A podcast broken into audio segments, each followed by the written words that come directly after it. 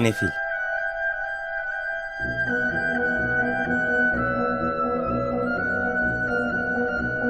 Hazırlayan ve sunanlar Melis Behlil ve Yeşim Burul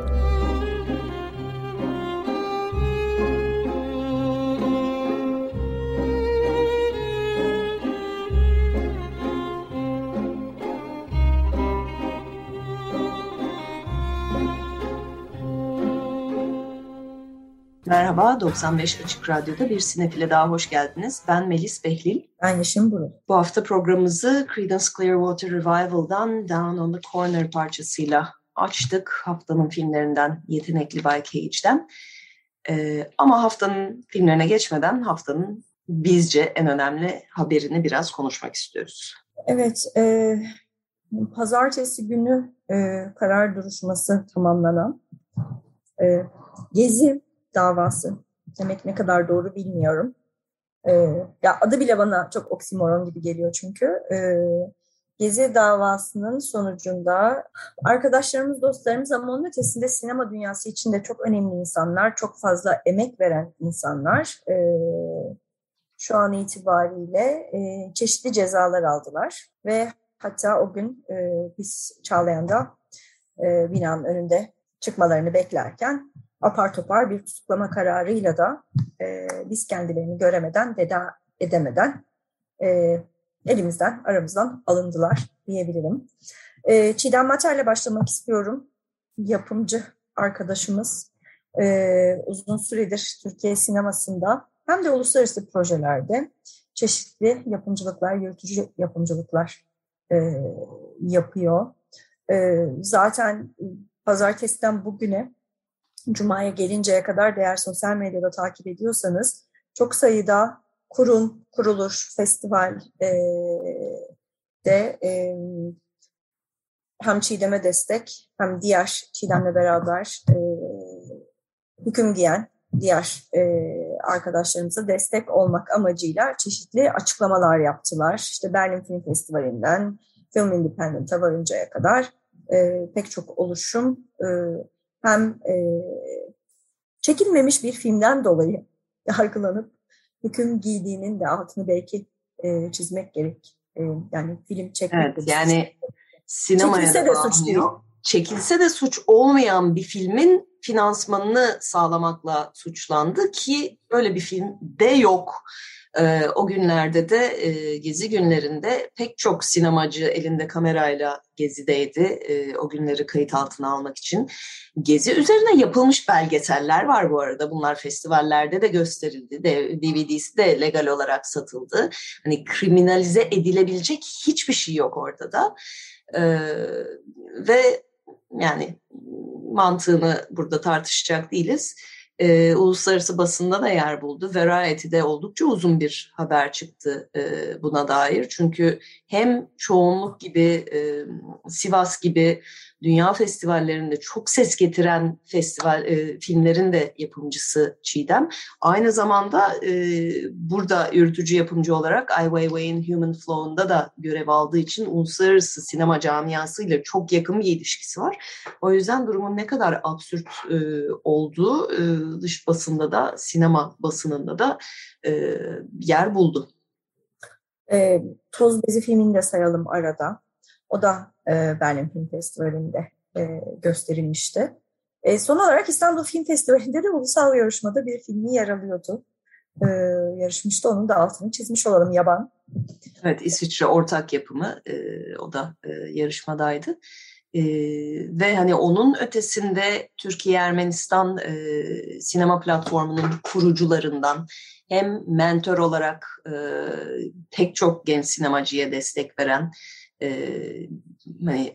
hem belgesel hem kurmacada e, son derece aktif çalışan e, bir isim Çiğdem Mater. E, ve sinemacı yani terörist değil, politikacı değil, e, provokatör değil vesaire vesaire suçlandığı şeyler değil kısacası. Yani zaten dava dosyasına baktığımızda ve bütün dava sürecini incelediğimizde e, adı geçen hiç kimsenin e, e, sözde atfedilen suçlarla bir alakası olmadığını çok net görebiliyorsunuz. Çünkü bunları yani bu suçların işlendiğine dair e, bir kanıt yok zaten dosyada. Kanıtsız yargılama ve hüküm nasıl oluyor derseniz olmaması gerekiyor. E, ama maalesef böyle bir garabetle karşı karşıyayız şu anda. E, Çiğdem Mater'den bahsettik. Öbür taraftan tabii e, işte belgeseller vesaire diyoruz. Türkiye'de uzun süredir hep kendi aramızda da konuşuyoruz burada programda Sinefil'de. Çok iyi belgeseller yapıyor. Belgesel yapımı müthiş ilerledi derken onun arkasındaki en önemli itici güçlerden biri ve en büyük destekçilerden biri Osman Kavala'ydı.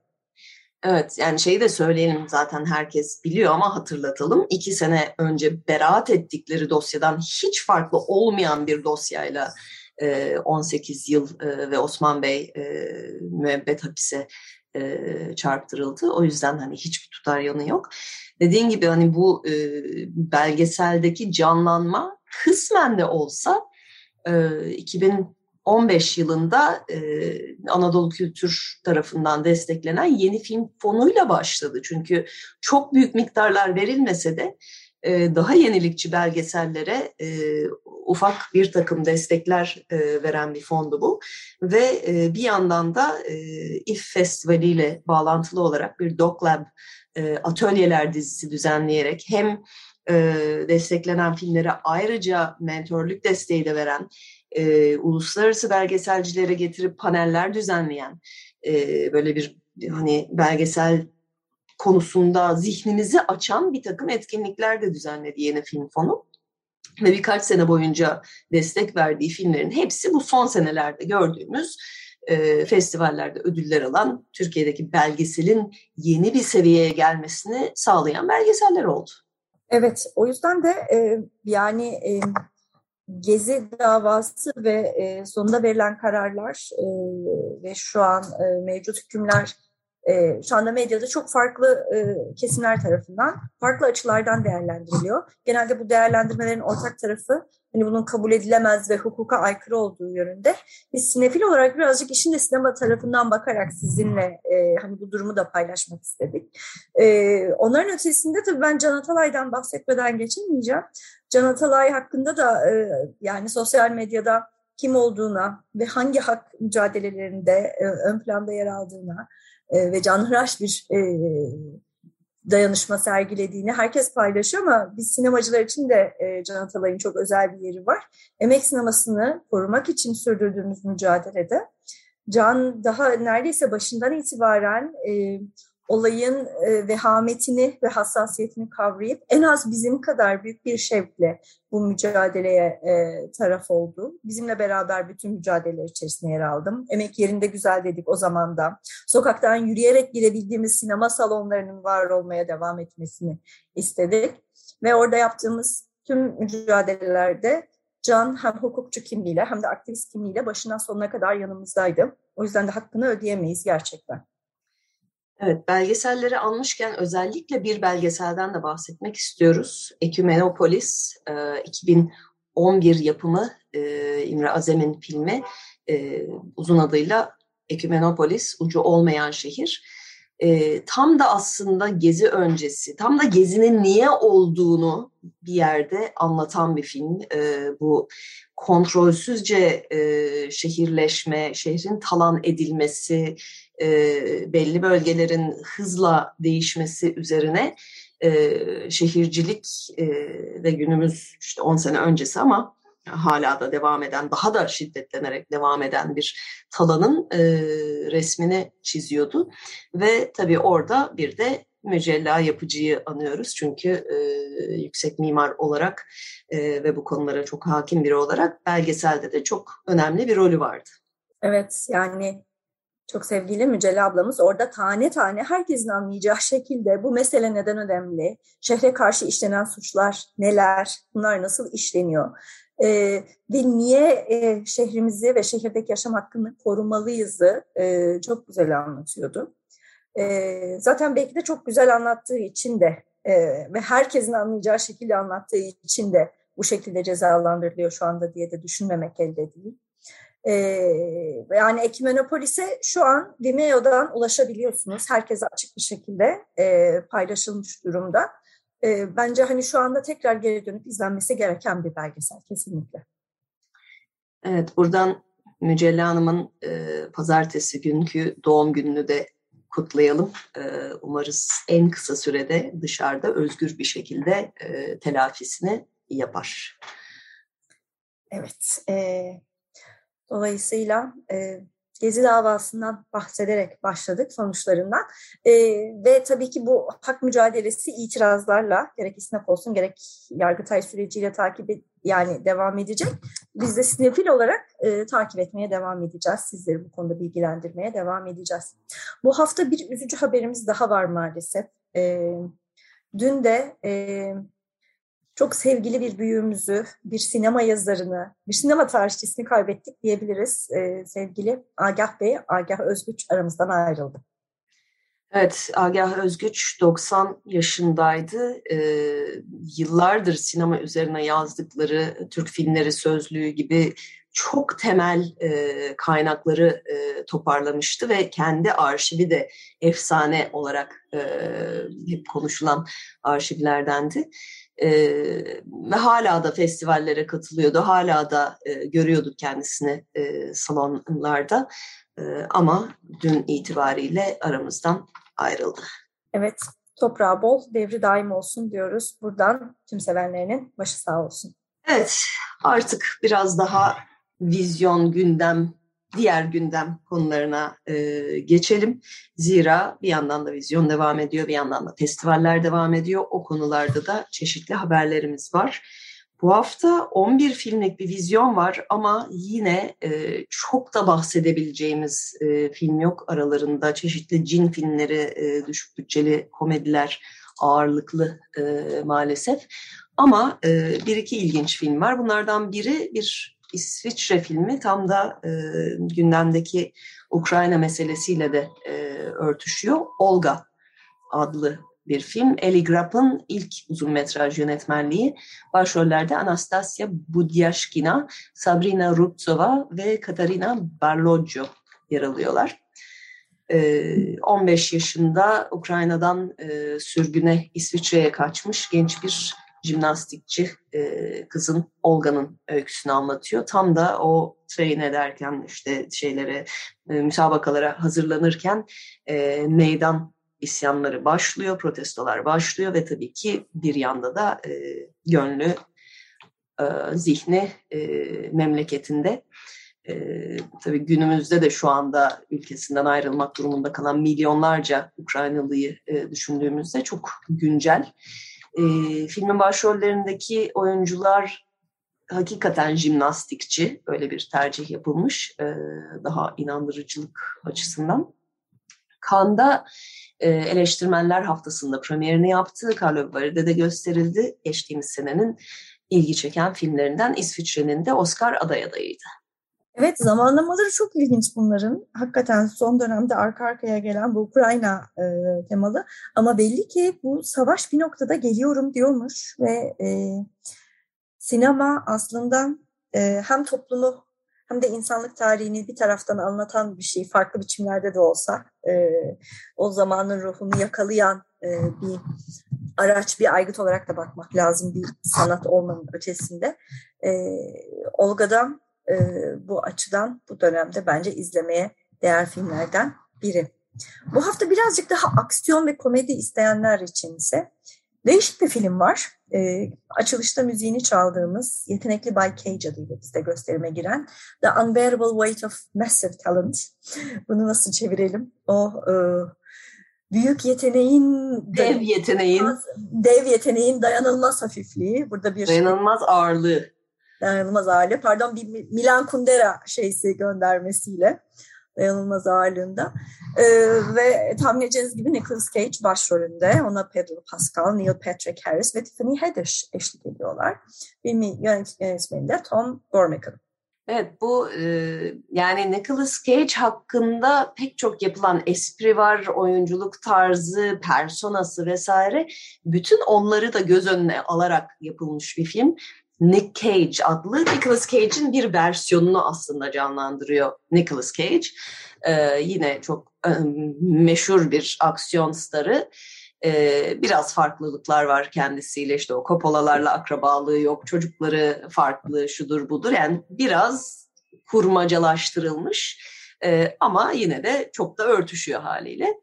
Ee, çok büyük bir hayranı doğum günü partisine çağırıyor kendisini 1 milyon dolar karşılığında.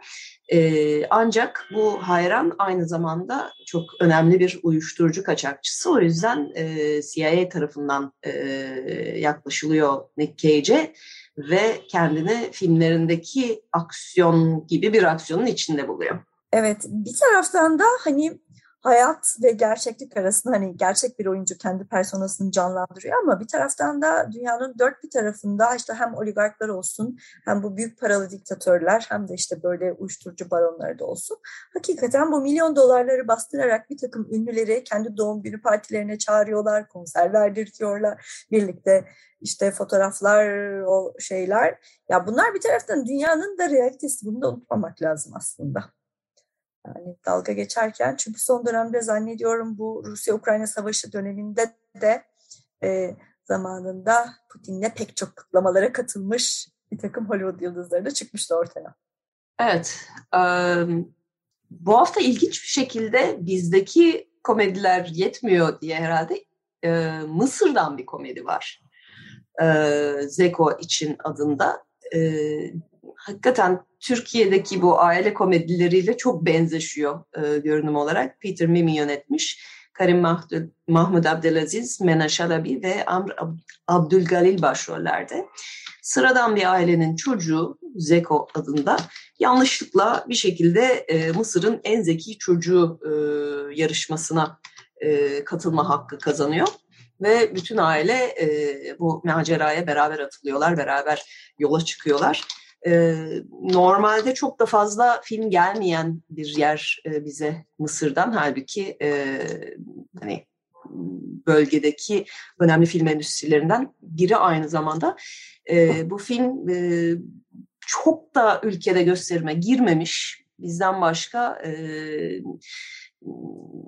Lübnan ve Arap Emirliklerinde e, gösterime girmiş. Yani anlamıyoruz bazen bu dağıtımcılar nasıl buluyorlar, getiriyorlar ama e, ya yine yerli komedi meraklısı e, izleyiciye ya da e, Arapça konuşan izleyici artık ciddi bir sayıya ulaştığı için belki öyle bir e, tercih yapıldı. Niye, nasıl bir tercihle gösterime soktular onu açıkçası bilemiyoruz. Evet, e, yani aslında haftanın diğer geri kalan filmleri çok da bahseder filmler yok mevsiminde dediği gibi. Ee, yine haftalık klasik bir takım korku filmleri var. Ee, onun ötesinde vizyonda artık belki de son haftalarında iyice aslanı düşmüş olan e, benim hatırlatmak istediğim bir film var. Henüz izlememiş olanlar için. Everything, Everywhere, All at Once. Yani e, bence insanlar izledikçe çok paylaşıldığını ve üzerine konuşulduğunu da görüyorum sosyal medyada. O yüzden tekrar bir hatırlatmak istedim. İlk vizyona girdiği hafta konuşmuştuk ama e, senin en iyilerinden biri gerçekten. Evet arada ben de görme fırsatı buldum. Ben de Yeşim'e katılıyorum. Senenin en iyi filmlerinden. Ee, uzun hakikaten ama ben şeycilerdenim. Olsun istediği kadar uzun olsun ben seyrederdim daha da olsa cılardanım.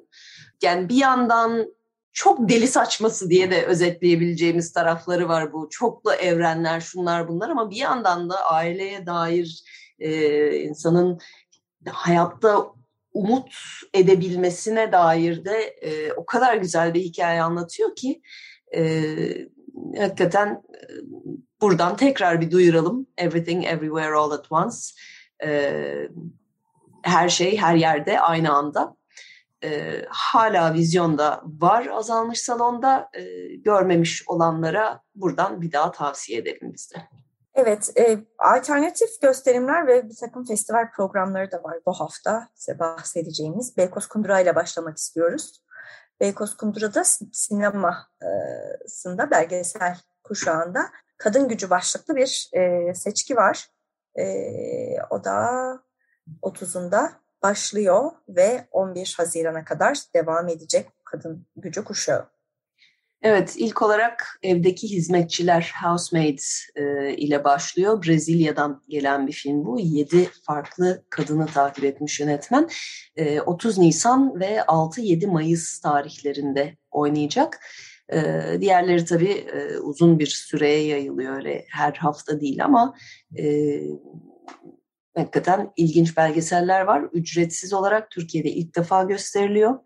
Ürdün'den e, Su Sızmaz, kadın tesisatçıların dünyası, e, Pakistan'da e, indirim işçileri e, oğlunu kaybeden, fabrika yangınında oğlunu kaybeden bir kadın hakkında, Meksika'dan kadına şiddete dair kadın güreşçiler ve Venezuela'dan da e, politik bir e, mücadele içindeki köylü kadınların hikayesi bir zamanlar Venezuela'da geliyor. Evet, yaklaşmakta olan bir diğer festival ise bu sene artık 17.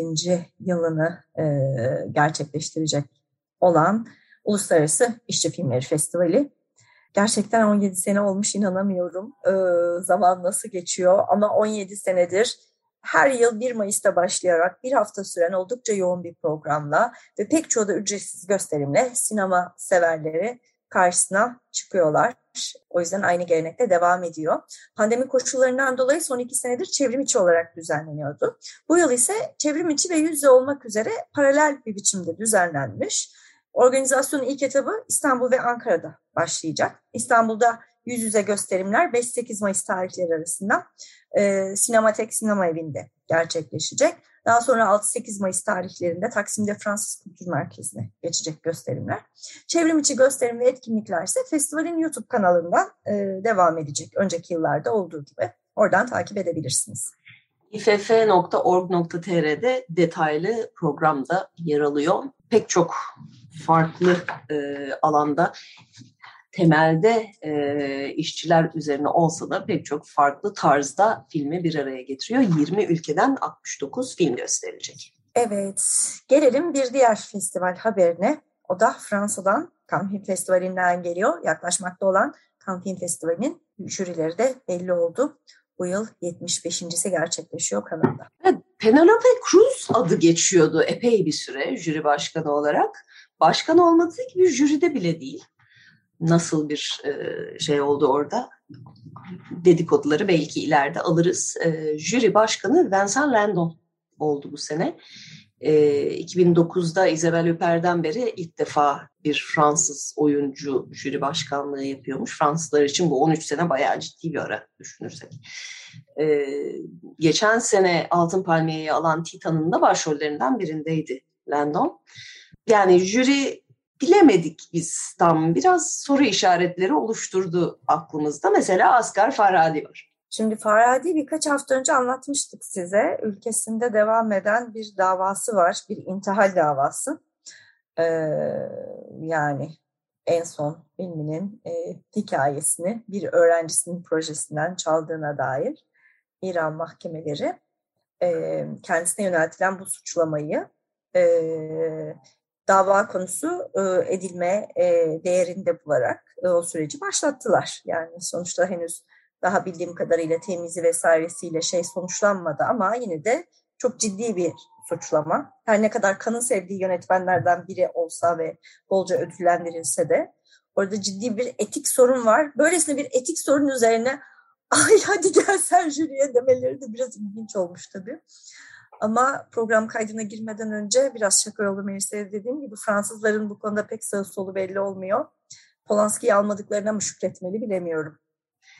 Evet, jüride üç kadın üye var. Üçü de oyuncu. Biri her ne kadar e, artık e, e, yönetmenliğe geçmiş olsa da pardon hemen bir düzeltme yapayım e, kendi kendime.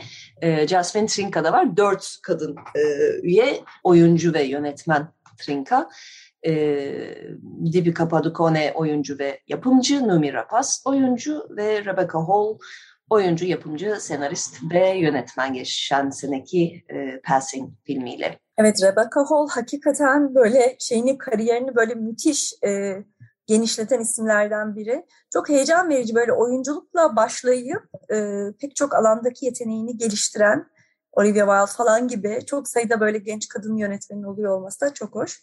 Bakalım bu seneki e, jüri ne tür kararlar alacak merakla bekliyoruz. Çünkü ana yarışmada yarışacak filmlere bakacak olursak yine böyle... Diğer üyeleri de hemen söyleyeyim. Ee, yine Fransa'dan e, yönetmen, senarist, oyuncu, yapımcı Laj Lee. O da e, Les Misérables'in çok gevşek bir uyarlaması, daha doğrusu Lemiz'di filmin adı da e, daha çok referans olarak e, sefillere. E, son senelerin heyecan verici Fransız filmlerinden biriydi bence. E, Amerika'dan yönetmen senarist Jeff Nichols ve Norveç'ten e, yönetmen senarist Joachim Trier. Geçen sene kadın oyuncu e, ödülünü kazanan e, Dünyanın En Kötü Kişisi filminin de yönetmeni. Evet ve bakacak olursak bu sene aslında Kan bizim böyle heyecanla beklediğimiz festivallerden biri. Çünkü ciddi uzun bir süre sonra bir Türkiye'den bir film de gösterilecek Kan'da. Emin Alper'in son filmi. E, o da ayrı bir bölümde olacak ama e, yine de çok kıymetli ve önemli e, filmlerin seçildiği bir bölüm o da. Ana yarışma listesine bakacak olursak Burada da yine e, Kan'ın sevdiği yönetmenleri görüyoruz. Kan'ın böyle biraz bir özelliği var. Önceki yıllarda da konuşuyorduk. Belli yönetmenler o sene film yapıyorlarsa otomatikman Kan'da yarışmaya alınıyorlar gibi bir durum var. Türkiye'den bu genelde Nuri Bilge Ceylan'ın başına gelen bir şey. E, ama bu sene Kan'a başvurmadılar ilginç bir şekilde anladığım kadarıyla. Başka bir festivalde açmayı düşünüyorlar. Nuri Bilge Ceylan'ın evet, son. O, o filminde yakında e, vizyonunu bekliyoruz son filminin e, Nuri Bilge Ceylan. Araya e, pandemi girdi, iyice uzadı süreç. Kan'da ama Kan'ın sevdiği başka yönetmenlerden mesela David Cronenberg, Claire Denis, Darden Kardeşler, Kore Eda, Kelly Reichardt hepsinin e, yarışmada filmleri var. Yer Ruben Östlund var. Hı? Ruben Östlund. Evet o da Kan tarafından sevilenlerden. Benim burada heyecanlandıklarımdan e, Park Chan-wook Güney Kore'den. Yani çok böyle hakikaten iddialı isimler, dönüp dönüp gelen isimler. Her zaman o kadar da başarılı bulmadığımız filmleri de olabiliyor. Ama yine merakla bekliyoruz. E, Cannes Film Festivali bu sene Mayıs'taki tarihlerine de döndü. 17-28 Mayıs tarihleri arasında gerçekleştirilecek. Evet, Christian Mungiu'nun son filmi de burada yine. E, onu da söylemek lazım. Bir de yan bölümlerden ana yarışmaya ge- gelen isimler var. Ali Abbasi gibi. Önceki dönemde yan bölümlerde filmleri gösterilip şimdi artık ana yarışmaya terfi etti diyebilir miyiz? Evet oradan mezun olup bir sonraki aşamaya geçti gibi oluyor. Ki o yan bölümler aslında daha taze, daha genç sinemacıları barındırıp özellikle belirli bir bakış bölümü çok daha heyecan verici filmler içerebiliyor. Kesinlikle. Yani bir şekilde yüz yüze festival ve o kan coşkusu da ve kanın o meşhur kırmızı halısı da özlenmedi değil. Bu sene biz de daha yakından takip ediyor olacağız. Evet, son olarak da bir yıl dönümü haberiyle e, veda edeceğiz sizlere.